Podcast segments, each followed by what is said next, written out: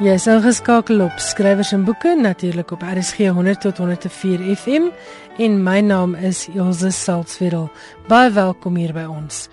My gas vanaand in die ateljee is Helena Hugo, natuurlik baie bekend vir haar werk hier op RSG met dramas. Sy skryf dramas en sy doen ook baie dikwels die regie van ons dramas. En Elena het pas weer 'n nuwe boek op die rakke.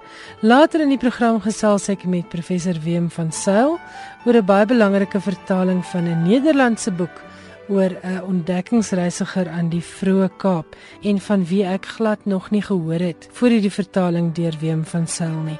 Dan is Johan Meiburg ook later in die ateljee met lekker brokkies oor die internasionale letterkunde. Ek hoop jy geniet vanaand se verskeidenheid.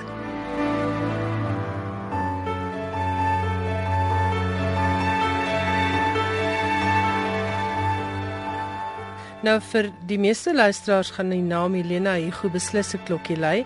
Ons luister op die oomblik na die voorlesing van Fyn Porselein uit Helena Hugo se pen. En Helena is natuurlik ook baie betrokke by radiodramas hier by RSG al vir 'n hele paar jaar lank.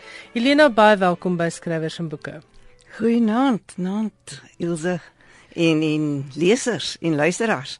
Dis heerlik om jou hier te hê want ek en jy het nou al voorheen met mekaar te doen gekry, maar eintlik was dit tot ek nou jou jou curriculum vitae, jou CV gesien het, het ek nie besef hoe 'n ongelooflike wye klomp skryfwerk jy al gedoen het nie. Uiteenlopend van radiodramas tot boeke en kortverhale en verskeie kinderboeke waarvan ek nou nie eers geweet het nie. En dan natuurlik het jy begin as 'n aktrise jy het 'n graad in drama.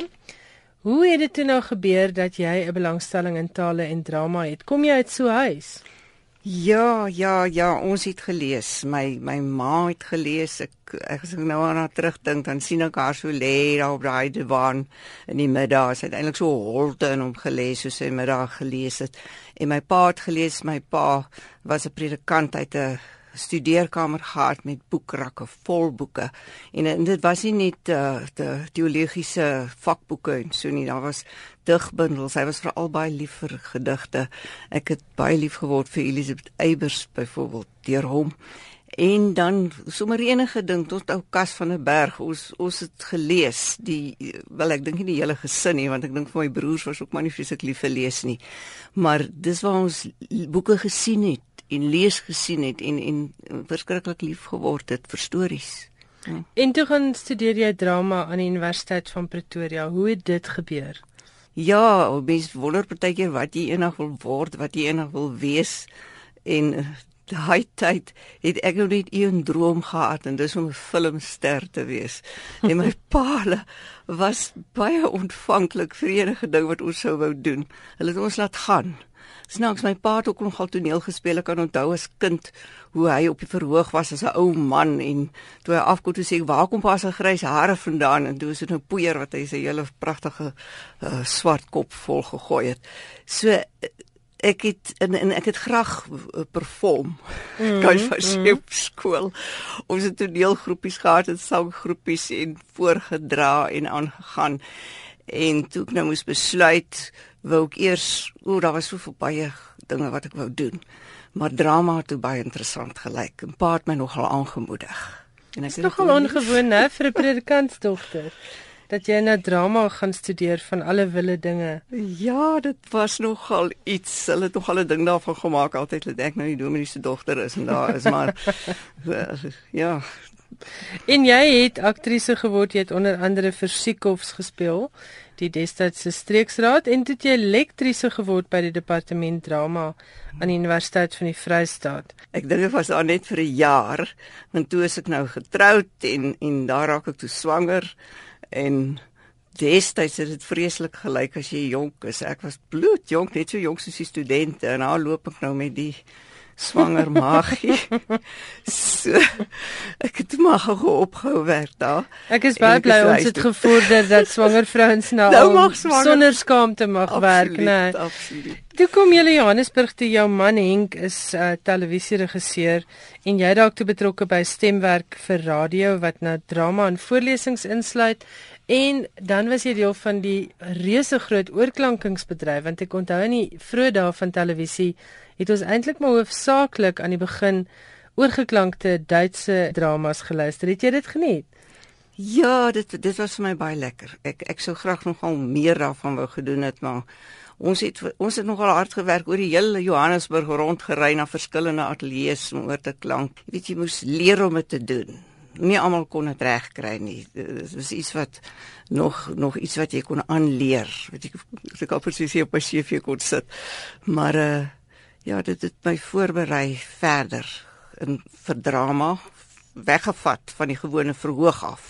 Ja, en ek dink dit het 'n rol gespeel in, ja. in in jou gereedheid vir radio want jy's 'n ja. ou hand met radiodramas. Ja, ek het uh, eintlik kan ek maar sê het ek by die radio leer skryf want uh, my heel eerste ou storieetjie was vir Tannie Susan van Sibamba en uh, van daar af weet ek met Iris Bester uh, kennis gemaak. Ek en sy is groot vriendinne geword later. En sy het my gevra om vir Jongspan Ateljee 'n storieetjie te skryf, 'n vervolgverhaal. Ek het geweet hoe op aarde om dit te doen nie, maar sy het my 'n uh, ou klomp tekste gegee van Werner Vels, Alet. Mm. Toe ek Alet lees, toe, toe word ek geïnspireerd. En is dit nou waar die skryfding begin? Want um, uh, kleuterverhale eerste toe Jongspan Ateljee. Ja. En toe sien ek op jou CV kortverhale, huisgenoot Rooi Rose ja. keer jy het vir almal geskryf. Ja, dis toe, toe die kindertjies klein was en en ek het my my eerste ou storieetjie was was so die ou Simbama storieetjie. Ek kon nie eers tik nie. Ek het dit met 'n potlood geskryf. My man het dit vir my oorgetik. Sy draagbare olifetti. en uh, dit klein begin omdat jy in die huis is met die klein kindertjies en jy dink o, jy wil 'n bietjie sakgeld maak. Dis altyd die idee van jy betaal word vir wat jy doen. En ek dink jy het 'n groot verbeelding gehad as jy so met boeke groot geword het. Ja. Ek dink dit moes vir jou nogal te neerdrukkend gewees het om net um om net ma te wees. Ek dink jy wou skep. Ja, ja, ek het seentjie Eben, oeg, hy was verskriklik woelig geweest, maar hy ook so er, ons het daai tyd die bollies gehad. O ja, en Patrys, ja, ek was so mal oor 'n bollies. En dan lees ek vir hom sy bollie en dan kom hy tot bedaring en maar elke aand wil hy 'n ander storie hoor. Natuurlik gedink nou ja nou, ek kan mos hierdie stories verkoop. Maar ja, dit was in sekere sin frustrerend en ek het eers geleer met my laat lammetjie. Sy het uh, 9 jaar na my uh, dogter gekom, middelkind. En toe ek haar het, toe ek altyd het ek haar vir 'n jaar gevoed en ek het weggekom van alsin net gelees. Jy weet ek lees meer as wat ek skryf dink ek. En miskien moet moet mense dit leer as jong ma, dat jy kan wegkom in stories jy kan sit en lees. Hoekom moet jy nou jou sit en frustreer en die hele tyd agter die kinders optel? Mm, mm. Skoonmaak. Ja, jy kan eenmal 'n dag optel dink ja, ek. Ja, of hulle kan self optel. ja, sodra hulle groot genoeg is. En hoe raak jy toe betrokke by by die regie van radiodramas? Ek sien jy het al drama regisseur geword in die tyd van Springbok Radio. Nou dit is iets wat ek onthou uit my klein klein dae. So hoe het dit gebeur dat jy re regisseur geword het? Ek weet ek het geskryf en geskryf en toe uh, Robert Young het vir my 'n uh, uh, enkel drama laat doen en, en dis is dit nou maar begin. Dit is in dae oeg is lank terug. Toe ons nog met plate gewerk het die uh, in met uh, leer ek Engelse woord gebruik tapes wat is ja, ja, bande ja, ja, bande mm, bande mm. en plate ons het nog daarmee gewerk en, en ek het daar begin. En van daar af het ek in in Springbok Radio het so 'n reeks gehad van verwerkings van boeke. En ek het daar begin om om boeke te verwerk en toe ek daarop begin regie doen. En ek geniet dit dit is vir my regtig baie lekker. En dis dis iets wat jy nog steeds doen. Jy's op die oomblik besig om vir ons hier by RSG 'n nuwe middagvervolgverhaal ja. um te regisseer. Wil jy ons iets daarvan vertel? Ja, Karin Polly het geskryf. Sy is um 'n nuwe skryfster en uh, sy het uh, verlede jaar 'n uh, pragtige drama geskryf, Vlees wat uh, baie interessante uh, reaksie uitgelok het en dit is nou haar eerste reeks. En die naam sy daaraan. Die naam is Roosvallei. Goed, ons sien dan uit daarna. Maar Helena, jy is eintlik hier omdat ek met jou wil praat oor jou meer as 60 boeke. Meer as 60 boeke in 'n loopbaan van sê maar ongeveer 35 jaar wil gedoen wees. Het jy 'n spesifieke prikkel nodig voordat jy kan begin skryf of gaan sit jy net en begin skryf? Jy weet toe ek begin skryf het ek gedink ek net een storie. Ek sal nooit nog een kan skryf nie. En mettertyd dit is dit is soos toe ek aktrise was, het ek aan die begin gesukkel om woorde te leer. Maar teen die einde van die jaar, die eerste jaar, kon ek woorde baie maklik leer. En en dit is iets wat jy jouself aanleer om iets raak te sien, iets kleins en dan 'n storie daar rondom te bou. Ons het natuurlik begin met die liefdesverhale. Cecilia Brits by Lapa begin het en daar werk jy volgens 'n sekere patroon. Ja, maar dis 'n moeilike patroon. Dis 'n moeilike patroon. Nou, mense dink dis maklik en en die moeilikste is om elke keer 'n nuwe infrastruktuur te skep. Jy weet met nuwe karakters wat 'n ander werk doen, wat anders is. So so regtig jy, jy moet jou kop bymekaar sit om daai stories uit te dink. Gelukkig kom daar sulke geleenthede soos hulle het my eendag gevra om eksotiese stories te skryf. Toe ek gaan na die Midde-Ooste en ek het oor Dubai geskryf. En nou was ek nog nooit daar nie, dan kyk ek nou in die boeke hoe lyk die prentjies en ek probeer net maar byhou. En toe gaan ons so intoe. Ons klim daar af en ons kuier vir 'n rukkie by vriende daar en so waar as vet my Dubai was presies reg in my woestyn en jy leef jou nader aan so in in hierdie wêreld laat uh, goed kom na jou. Ek weet nie. Dis ongelooflik hoe goed na jou toe kom wat jy nie geweet het nie. Jy het heelwat van die liefdesverhale vir Lapa geskryf en ek hmm. sien ook vir die Hartklop reeks by Tafelberg. Maar jy het die laaste paar jaar veral jou toegespits op die dikker liefdesromans, die stories met die baie meer vleis om, die meer intriges, ja, ingewikkelder ja, ja. uh spanningslyne. En ons luister op die oomblik op RSG na Fyn Porselein. Wil jy vir ons ietsie vertel oor die hoe die skryfproses van hierdie stories verskil van dit wat jy in jou vroeë lewe gedoen het?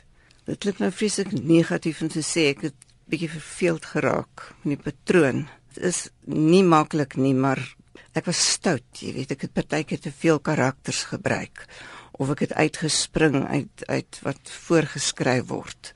En toe het ek gedink ek kan eintlik ontsnap. Ek kan aangaan en iets meer doen. En 'n uh, fyn porselein was nou 'n poging geweest om om 'n bietjie hoër letterkunde te skryf. Ek weet nie of ek daarin geslaag het nie. Maar uh, dit het bietjie weggebreek van hierdie tema van man ontmoet meisie, baklei, dryf uit mekaar kom weer by mekaar uit. Ja. Dit gaan bietjie meer oor oor die lewe weier en oor kinders en ou mense en ander probleme as net net liefde vind. So was dit vir jou baie groter uitdaging. Dit was dit was eintlik my baie lekker. Ek het dit verskriklik geniet. Ek wou met fyn porselein, dit was so 'n droom van my. Ek wou boek oor tee skryf. Tee. Tee. En, en ek het al die omslag gesien met 'n eislike tee voorop. Dis so wat ek baie van my vriendinne in so dopgehou het hoe hulle tee maak.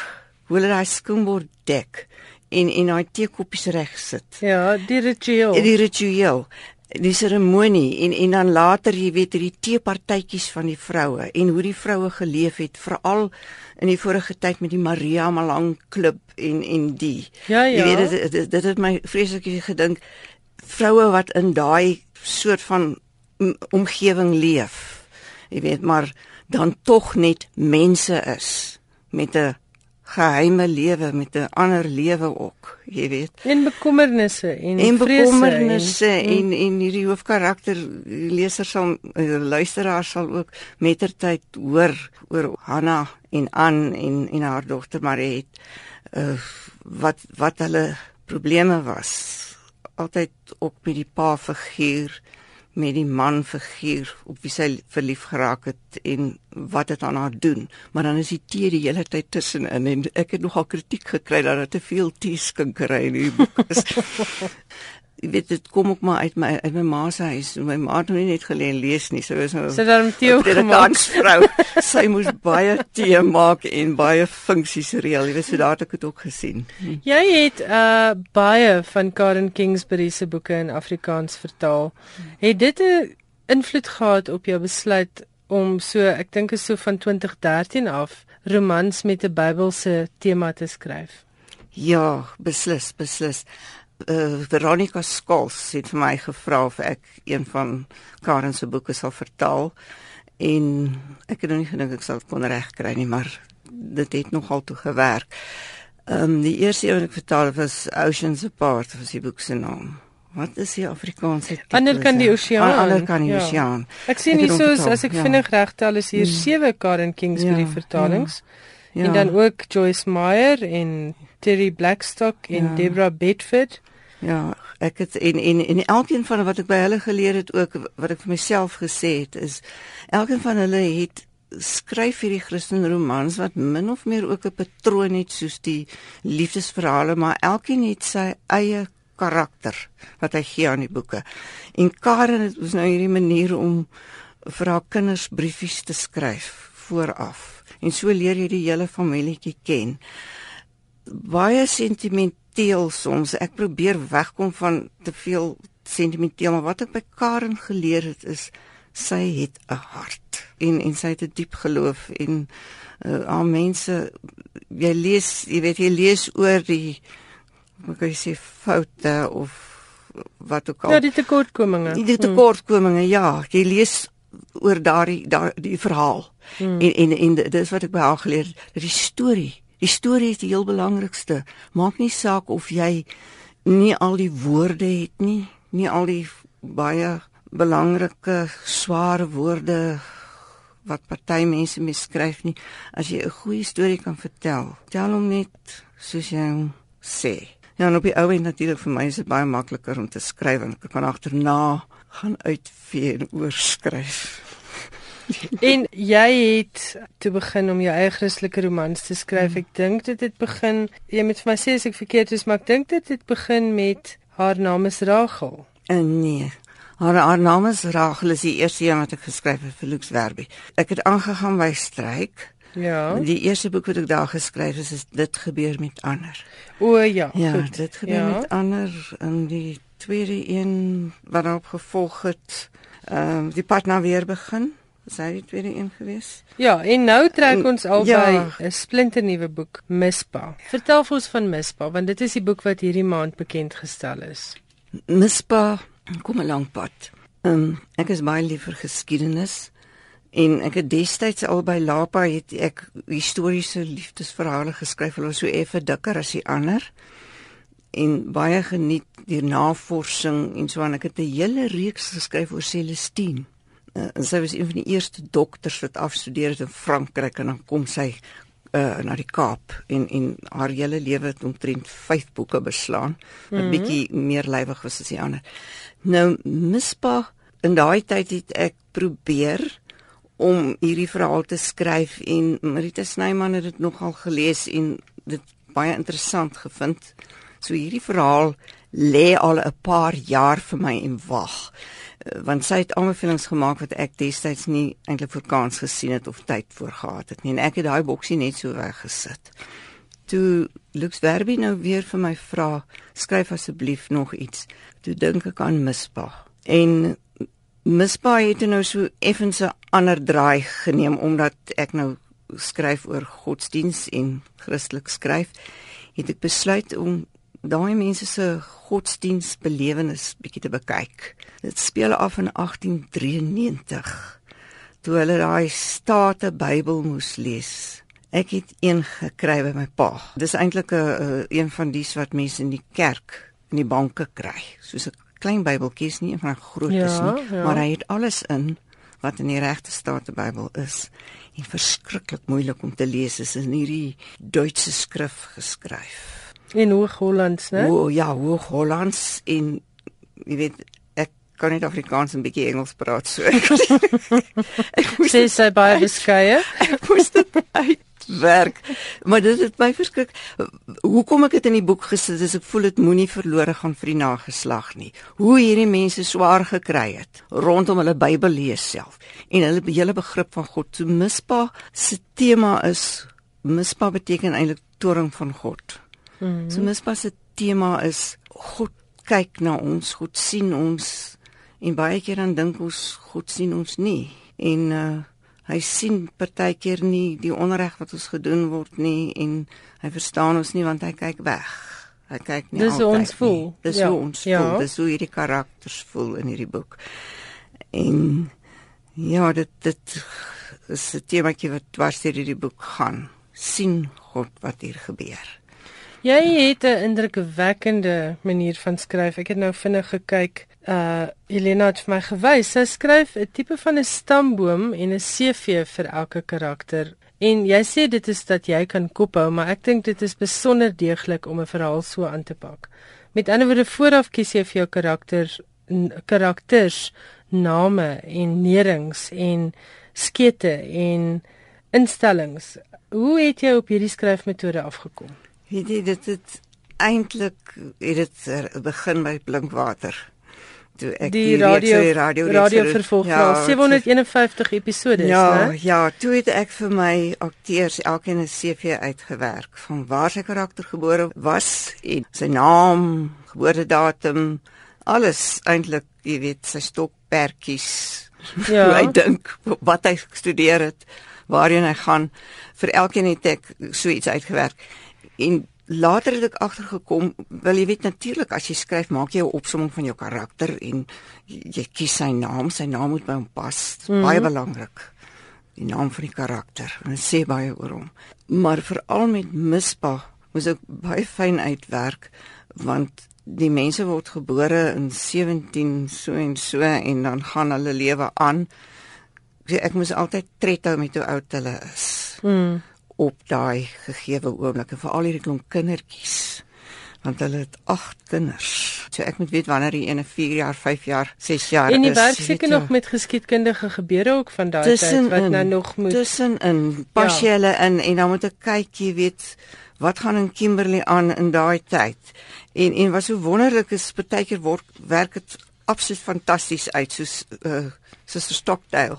Sy was daar in die hospitaal en tweelingsusters van die hoofkarakter verpleeg daar. Jy weet so en dan die diamante is belangrik. Die uh, broers wat gaan om ook te gaan delf mm -hmm. en en die oorsake en gevolge en dinge wat dit het op die mense.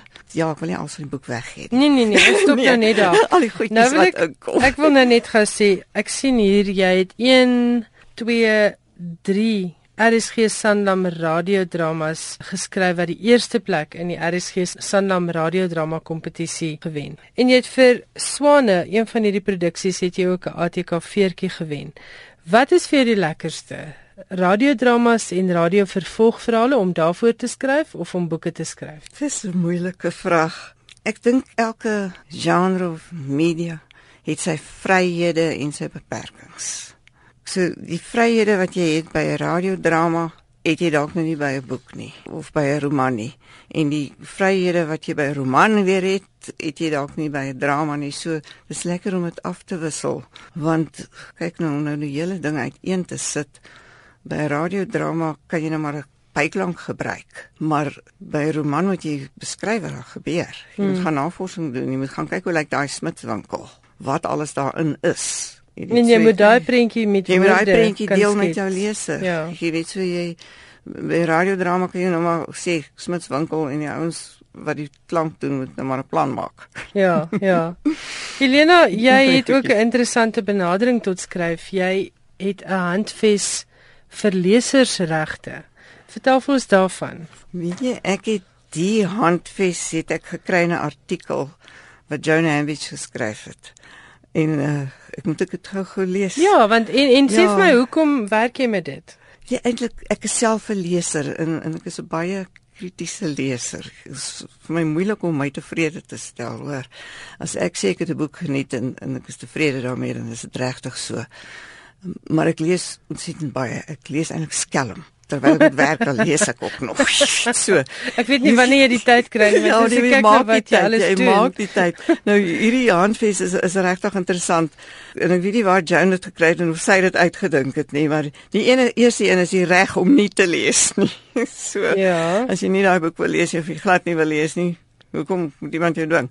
En dan die reg om bladsye oor te slaan, iets wat jy doen as jy baie haastig is, 'n reg om 'n boek nie klaar te lees nie, reg om te herlees, 'n reg om enigiets te lees, 'n reg op ontvlugting, 'n reg om enige plek te lees, 'n reg om rond te blaai, 'n reg om hardop te lees en 'n reg om nie jou smaak te verdedig nie.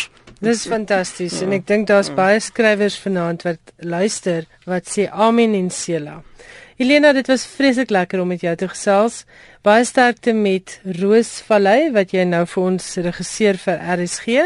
Luisteraars moet onthou hulle kan elke dag luister na Fyn Porselein en dan het ons vanaand ook gesels oor Mispa, Elena Hugo se nuwe roman. Dit word uitgegee deur Lux Werby en is te kry by enige goeie boekwinkel. Baie dankie vir jou tyd. Dankie. Ek gesels nou met professor Wim van Sail, verbonde aan die Universiteit van Wes-Kaapland se Departement Afrikaans Nederlands. En Wim het onlangs 'n boek die lig laat sien, 'n vertaling van die werk van Luke Panhuisen oor Robert Jacob Gordon wat van 1743 tot 1795 geleef het. En die boek se titel, so vertaalde titel in Afrikaans is ontdekkingsreisiger of soldaat. Nou wiem, hoekom 'n boek oor 'n Nederlandse mens wat tussen 1743 en 1795 geleef het? Wat was vir jou die interessantheid wat jou laat besluit het hierdie boek wil ek in Afrikaans vertaal? Ek het die boek teëgekom in 'n boekhandel in Nederland, 'n groot uh, boekhandel in Utrecht wat ek uh, as ek daar is altyd deurwerk en uh onmiddellik het die voorblad by getref want dit is 'n tekening van 'n voorval in Suid-Afrika. En uh toe ek die boek van nader bekyk en onmiddellik uh, ook aangeskaf want dit gaan oor hierdie uh Nederlandse VOC reisiger van die Verenigde Oos-Indiese Kompanjie wat 'n aantal reise tydens sy dienstyd in Suid-Afrika gemaak het en wonderlike tekeninge uh gemaak het en uh kaarttekenaar was en uh, plekke name gegee. Het onder andere die Oranje rivier uh, sy naam gegee 'n naam wat 200 jaar lank gebly het. En ek het gevoel dit moet ek wel deel met uh, my mede-Suid-Afrikaners. En uh, ek het onmiddellik uh, Afrikaner uitgewers genader en ons het besluit om die boek te vertaal. Wat maak Gordon so interessant? Was hy nie jou tipiese soldaat wat maar net opdragte uitgevoer het nie. Jy sê nou hy het talle reise onderneem. Het hy dit nou in sy vrye tyd gedoen of hoe dit gewerk dat hy Suid-Afrika kon verken terwyl hy hier diens gedoen het as soldaat? Gordon was 'n opgeleide soldaat in die Nederlandse leer. Hy is uh het in diens getree van die Verenigde Oos-Indiese Kompanjie. Suid-Afrika was op daai stadium 'n geweldig interessante plek, die Kaapkolonie waar wonderlike ontdekkings gemaak is oor diere wat ons vandag uh, ken. Ek sal net maar graag oor die uh, kameelperd wil praat. Maar Gordon was ook iemand met natuurkundige belangstelling en hy het hier gesit en ontwikkel tot 'n baie belangrike geleerde uh, in Europese verband. Hy het beskrywings gemaak.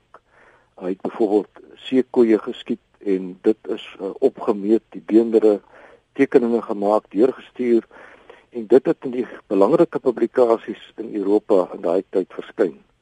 So hy was 'n soldaat, maar hy was eintlik seker ons eerste groot geleerde. Het hy hier aangebly vir die res van sy lewe of is hy op 'n terug op 'n stadium terug Nederland toe? Hy het uh, vir kort tyd hier gewees op besoek en uh, toe het hy 'n eerste reis gemaak in 1773, maar hy het teruggekeer, hy wou ontsettend graag terugkeer en hy het uh, dan in 1777 begin met sy reis in opdrag van die VOC en dit het hy bly doen. Sy laaste reis was in 1785 en hy het uit vyf altesaam 5 reise hier gemaak, maar verder het hy uiteindelik die uh, aanvoerder van die garnisoen geword aan die Kaap. Was hy in die kasteel gevestig. Ongelukkig het uiteindelik die Britse inval van 1795 meegemaak wat tot sy einde gelei het. Ja, want hy was relatief jonk, né? Hy was as ek nou vinnig kyk, seker so 52 toe hy dood is.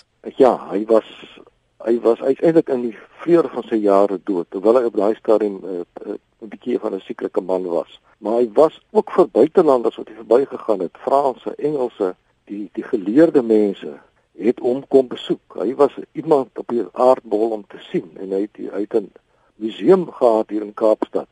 'n eie huismuseum waar die mense begelei het en wat uh, hulle kon kyk het na en hulle het berig gegee oor hom in hulle hulle briewe in hulle reisbeskrywings. Dit was hy was self 'n besoekpunt met ander woorde ook op 'n manier hy was 'n toeriste aanloklikheid maar ook dan waarskynlik 'n groot ambassadeur vir wat op daardie stadium in Suid-Afrika te sien was of in die Kaapkolonie soos wat dit toe genoem is ja die Kaapkolonie was 'n wonderwêreld waar allerlei besondere dinge bestaan het. Dit was die poort na Afrika. En uh vir my is die mooiste verhaal dit, dit het my finaal aangegryp en wat besluit hieroor moet ek vertel. Dit moet ek oordra. Dit is die hele kwessie die soektog na die kameelperd. Ja, vertel ons. Wat op daai stadium het mense het geleerdes geweet dat daar miskien so 'n ding bestaan uh, omdat dit in die Romeinse tyd opgeduik het maar die kameelperd het verdwyn. En toe het in 1760 'n boer met die naam Kutsie, uh, Jacobus Kutsie, het noordwaarts getrek op soek na die land Monomotapa en hy het die Oranje rivier oorgesteek tot in die huidige Namibië en daar langs die rivier het hy die kameelperd teëgekom. Daar's die Oranje rivier wat toe nog nie die naam gehad het nie. En hy kon eintlik nie behoorlik uh, lees en skryf nie buite die Kaap kom vertel is opgeteken die VOC daarna offisier gestuur Hendrik Hop in 1761 om te gaan kyk en Hop het dan ook die kameelperd teëgekom. Vervolgens het uh, Gordon gegaan en uh, dit is in 1779 uh, en sy doel was om hierdie dier te gaan teken, te gaan opmeet, uh, wetenskaplike gegevens deur te stuur. En met groot moeite daar 'n ellendige tof roggie op uh, hy is binne dood van die dors hy en sy manne het hulle die kameelperd uiteindelik gekry en is pragtig hoe hy die kameelperd sien beweeg in die lang nek soos 'n mas op die see so jy sien dis 'n man 'n seevaarder hmm. wat nou so 'n dier beskryf en uiteindelik het hulle kameelperd geskiet opgebeet die dit begrawe om na 'n maand of wat terug te kom die beendere op te grawe te nommer en die geraamte dan perfek aan mekaar te sit as hulle in die Kaap kom of dan deur te stuur na Europa waar hulle aan mekaar gesit kom. Toe hulle weer terugkeer, het wilde diere die geraamte opgegrawe, hulle het te vlak begrawe. Mhm. Hy moes weer een skiet en uh en my afleiding is dat hy die uh onwelriekende geraamte dan maar op een van die waans gebring het tot in die Kaap. Oeh. Hier is aaklige, ja, aaklige reis. 'n Aaklige terugreis. Hy het hierdie uh, tog alles keurige nommer. Hy het die geraamte gestuur na Den Haag waar dit in die prins se se groot museum moes kom, die prins van Oranje. Daar is dit opgestel en toe uiteindelik verander die hele regeringsbestel en die prins moes vir 'n tyd lank moes die Oranjes vlug uit Nederland uit. Die Franse het 'n inval gedoen en wat het hulle gedoen? Hulle het die prins se hele museum leeg gesteel, dit na Parys vervoer en ons giraafgeraamte staan vandag in die Louvre in Parys. Genigtig. Nou ja, dit is, is vir my dramaties. En was dit nou die eerste kameelperd ter wêreld wat ontdek en opgeteken is? In die moderne in, in die moderne tyd, tyd na ja, die Romeinse tyd. Dit is die eerste dat die kameelperd dan om toegetree tot die tot die moderne wêreld. Jy het net vir my gesê Panhuisen wat die Nederlandse skrywer van hierdie boek is, het redelik onlangs maar eers oor Robert Gordon geskryf. Wanneer was dit en hoekom dink jy is daar nie vroeër oor hom geskryf nie? Uh, hy het dit gedoen in opdrag in 2010 het hierdie boek verskyn by die die Nederlandse uitgawe daarvan. Die titel is 'n Nederlander in die wildernis. Ja. Uh, want dit was in daai tyd die Oranje rivier ensovoorts was werklik die wildernis onbekende terrein uh ten minste vir die buitewêreld.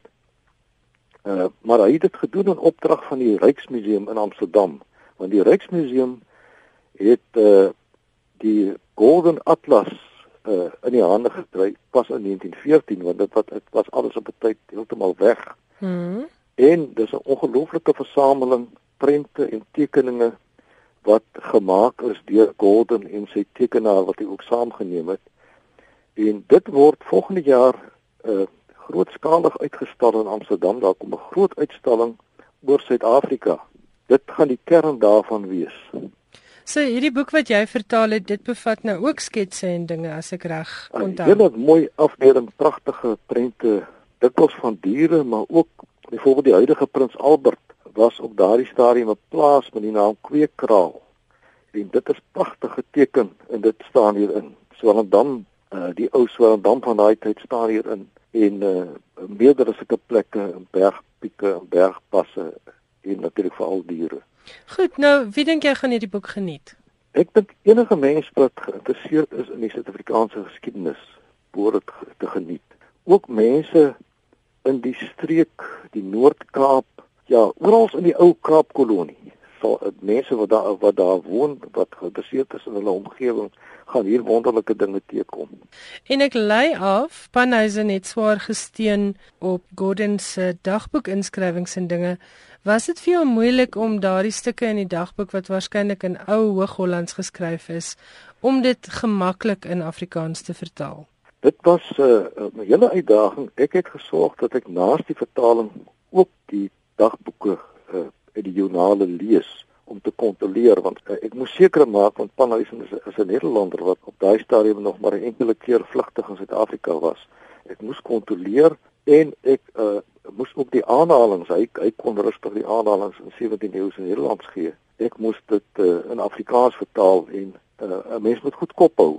Maar uh, dit was ook 'n hele avontuur. En uh, interessant byvoorbeeld die naam Kameelperd wat ons het, het ek altyd gedink is 'n bietjie 'n snaakse naam wat ja. ons hier bedink het. Maar maar weet jy dit is Cameliopardi is die is die Latyn, dis die wetenskaplike woord gewees en giraf wat vandag in moderne Nederlands gebruik word, het op daai stadium eintlik nie bestaan die woord. So eintlik is ons dus reg So ons kameelperd. Ja. En, en die, die Nederlanders het uh, eintlik 'n uh, vervormde paadjie opgegaan. Ons praat nou oor seekoei, verduidelik gou vir my waar kom daai naam vandaan? Wat is die Latyns dan vir seekoei? Jy vra nou heeltemal vas daar, so ek kan nie vir die Latyn vir seekoei okay. sien nie, maar dit is 'n dit is 'n uh, was 'n bestaande Nederlandse naam eintlik vir 'n see dier maar ja. dit is ook hier gebruik in die begin. Goed. Wie baie interessante boek hierdie. Sê net gou vir ons wat kos dit? Uh, die ko boek kos R225 by Afrikaana Uitgewers. Goed, en af gaan seker nog 'n bietjie posgeld by vra. Goed, en Afrikaana Uitgewers kan jy e-pos by Afrikaana Publishers, die Engels by mweb biz, dit is mweb met die agtervoegsel biz daarbey b i z en dan c o mweb.co.za. Afrikaner Publishers by mwebbiz.co.za en dit is as jy Wim van Sail se vertaling van Luke Panhuisen se boek oor die ontdekkingsreisiger en soldaat Robert Jacob Gordon wil bestel en Wim se Afrikaanse titel daarvoor is ontdekkingsreisiger of soldaat. Wim baie dankie vir jou lekker insiggewende geselsie. Baie dankie Jose. Dit was die stem van professor Wim van Sail. Ons het gesels oor sy vertaling van Luke Panhuisen se boek oor die lewe van Robert Jacob Gordon. En Wim noem hierdie boek Ontdekkingsreisiger of Soldaat. Bestel dit by Afrikaana Uitgewers. Die e-posadres net weer Afrikaana Publishers by mwebbiz.co.za. Die boek kos R225.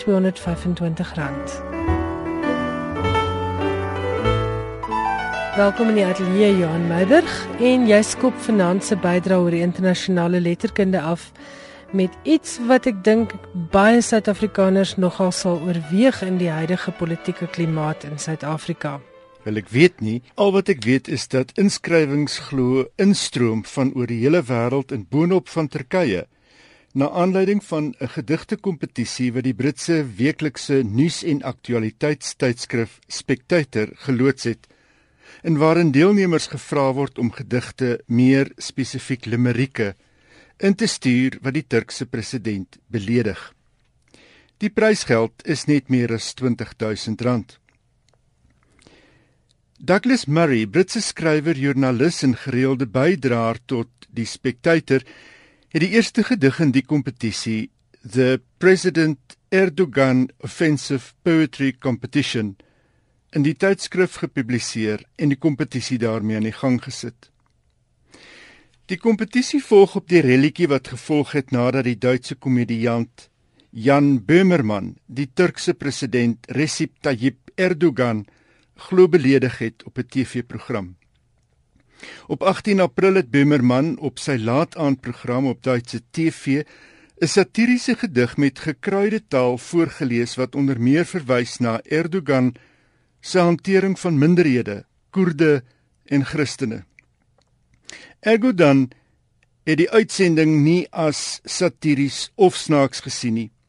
Hy is trouens bekend daarvoor dat hy spotprenttekenaars en joernaliste wat hom kritiseer gereeld vervolg.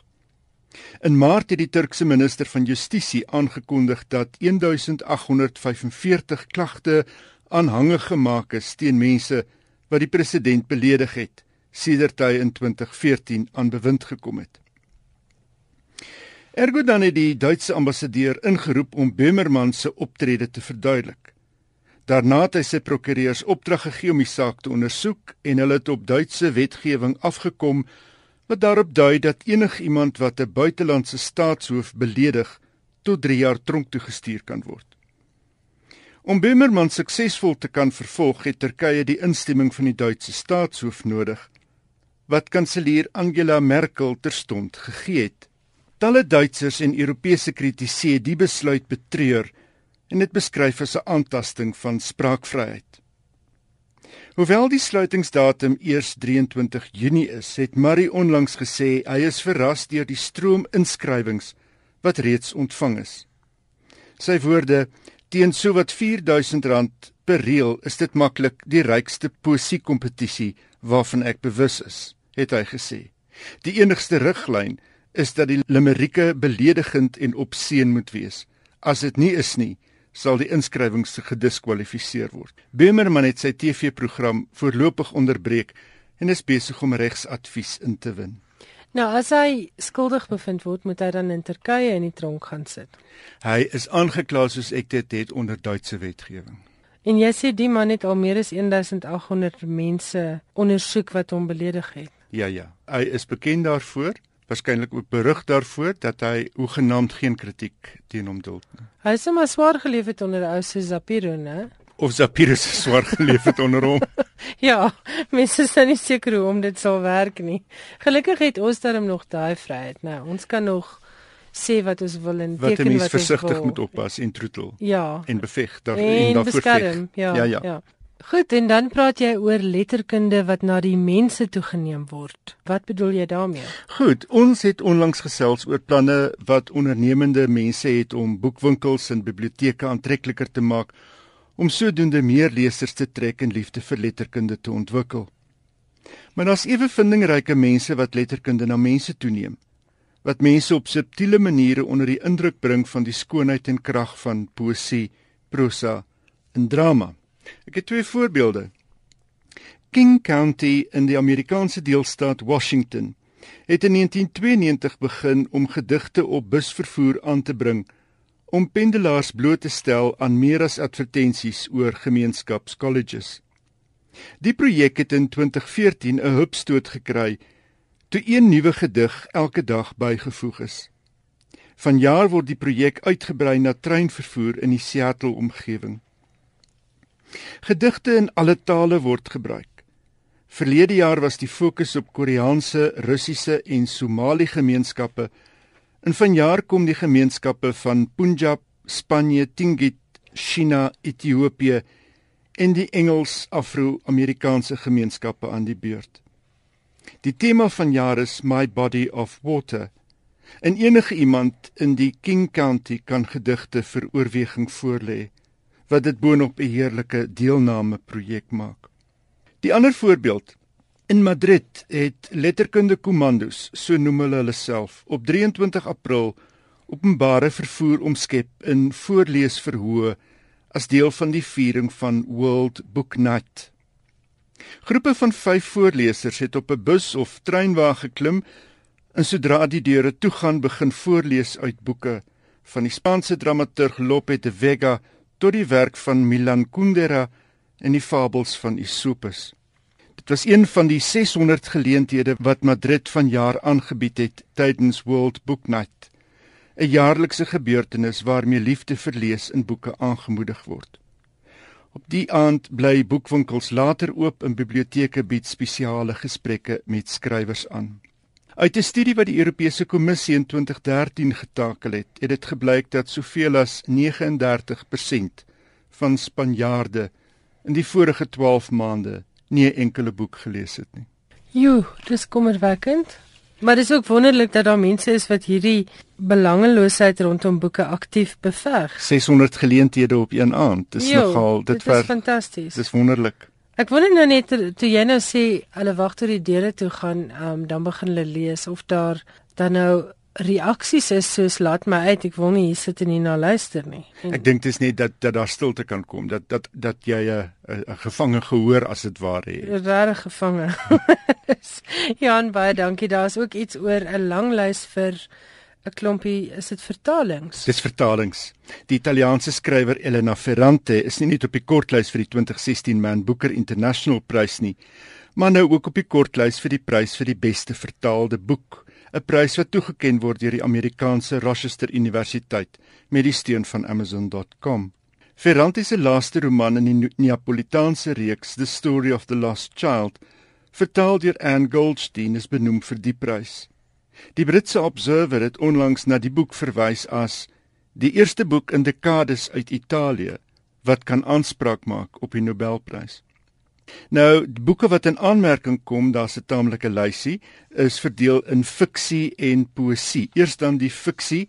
Ek lees die titel van die boek, die skrywer, die taal waarin dit oorspronklik geskryf is en die naam van die vertaler.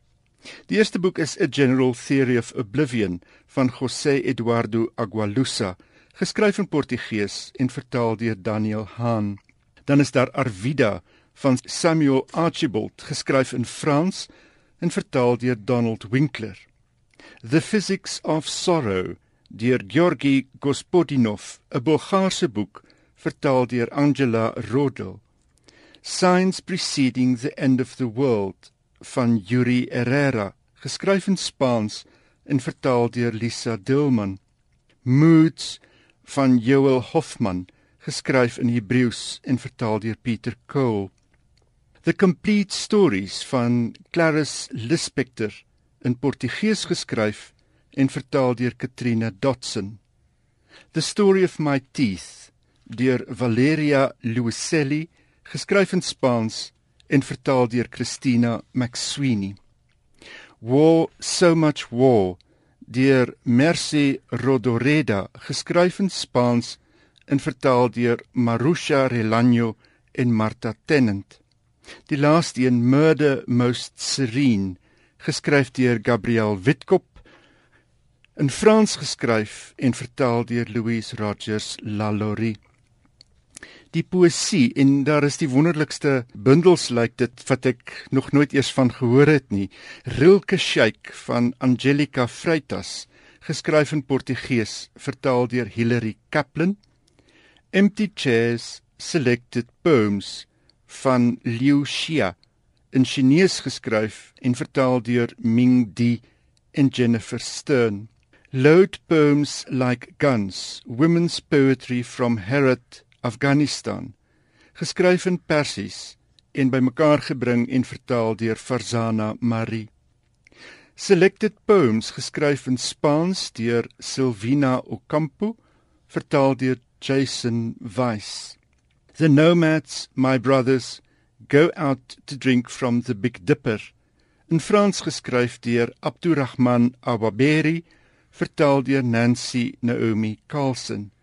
In die laaste een, Sea Summit deur Yilu, geskryf in Chinese en vertaal deur Fiona She Loren. Indrukwekkende klomp boeke en dit Wat ek kan doen is om dit dalk op die webwerf vir jou te plaas, dan ja. uh, dan het mens toegang tot die hele lys. Goed. Johan gaan dan vir ons reël met Herman Stein dat hierdie lysie op RSG se webwerf kom. So gaan loer gerus na hierdie bekroonde boeke wat nou in aanmerking gekom het vir 'n groot internasionale prys. Dit is by www.rsg.co.za. Nou die tyd ons weer ingehaal. Ek hoop jy het vanaand se program geniet. Laat weet gerus deur 'n SMS te stuur na 34024. Elke SMS kos R1 of stuur 'n e-pos na skrywers en boeke by rsg.co.za. En onthou asseblief om vir my te laat weet van die boekhelde in jou omgewing. Ek is op soek na individue wat werklik baie doen om 'n leeskultuur te bevorder of om boeke onder mense se aandag te bring en spesifiek na mense wat dit op hulle eie koste doen en in hulle eie tyd. Ons wil graag met sulke mense gesels hier op skrywers en boeke. Volgende week is ek terug, dan is daar weer 'n baie lekker verskeidenheid van skrywers en boeke. Geniet die res van jou week en onthou moenie na die radio afskakel nie. Daar's nog heerlike musiek die res van vanaand. Tot ons weer gesels volgende Woensdag aand om 8uur net hier op RSG. Groet ek Elsje Salzwetel.